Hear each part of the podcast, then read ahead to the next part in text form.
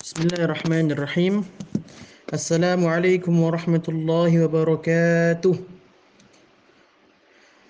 الحمد لله رب العالمين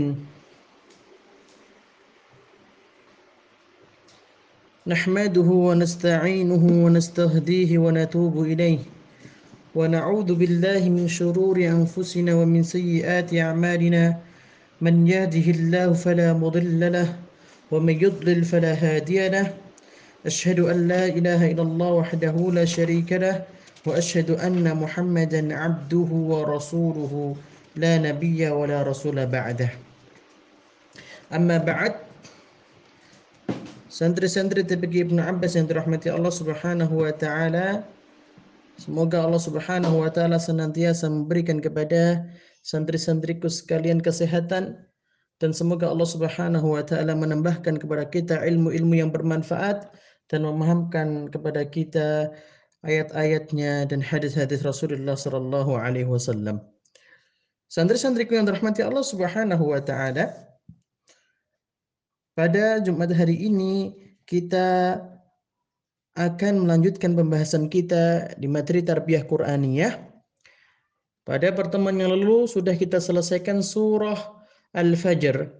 Maka hari ini kita akan bersama-sama membahas surah Al-Ghashiyah. Surah Al-Ghashiyah. Ya, bismillahirrahmanirrahim.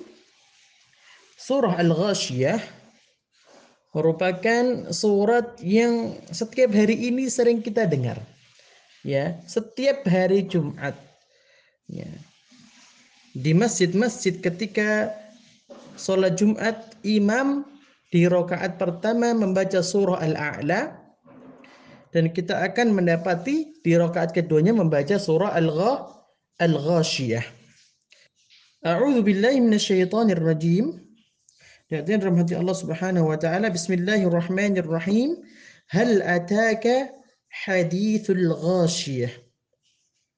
Sudah tersampaikanlah kepadamu. Apakah sudah tersampaikan kepadamu suatu kabar yang menggembarkan? Hal ataka hadithul ghashiyah? Itulah ayat pertama dari surah Al-Ghashiyah. Ya jangan sampai salah nyebut ya al ghashiyah makanya kadang bisa dengar ada yang mengatakan al ghashiyah yang benar adalah al ghashiyah hal ataka hadithul ghashiyah Sudahkah sampai kepadamu berita yang menggemparkan? Apa yang dimaksud dengan berita menggemparkan di sini? Yang dimaksud dengan berita yang menggemparkan di sini adalah hari kiamat. Karena suasana dan situasi yang sangat dahsyat. Kejadian-kejadian di hari kiamat itu sangat dahsyat sehingga Allah Subhanahu wa taala menyebutkan di sini adalah berita yang menggemparkan hal ataka hadithul ghashiyah. Wujuhu yawma idzin khashi'ah. Kemudian Allah Subhanahu wa taala mengatakan banyak muka pada hari itu tertunduk lesu hina.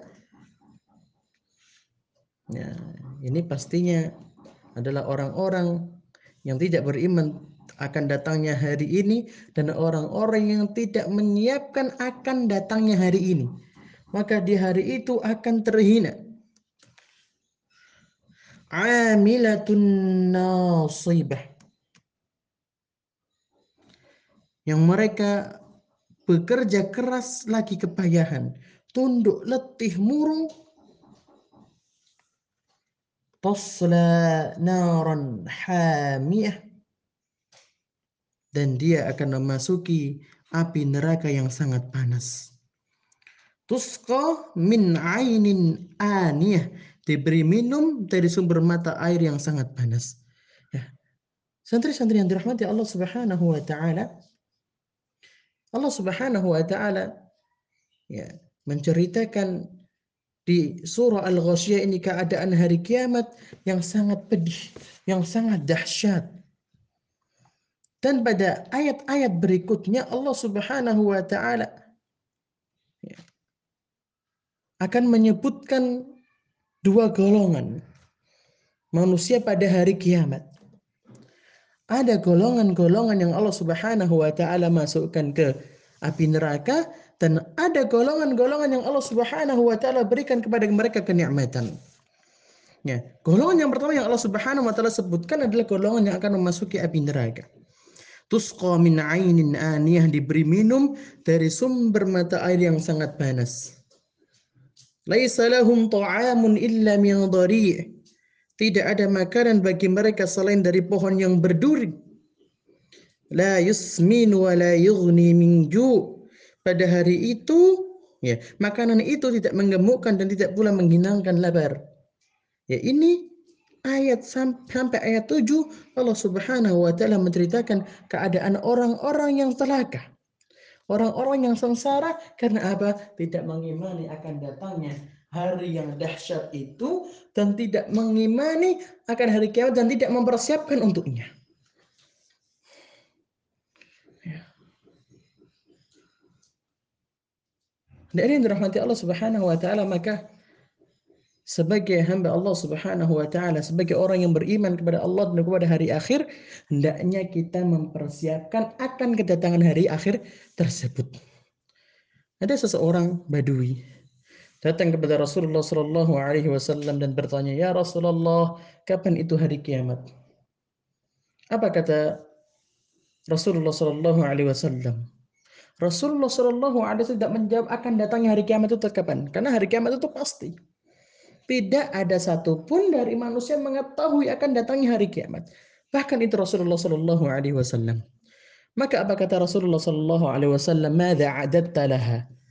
Apakah kamu sudah mempersiapkan dan hal apa yang sudah kamu siapkan untuk hari kiamat itu?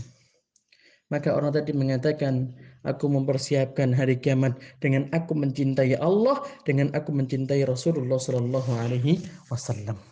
Tidak ada yang dirahmati Allah Subhanahu wa taala hari kiamat itu pasti datangnya adalah salah satu rukun iman yang kita imani kan.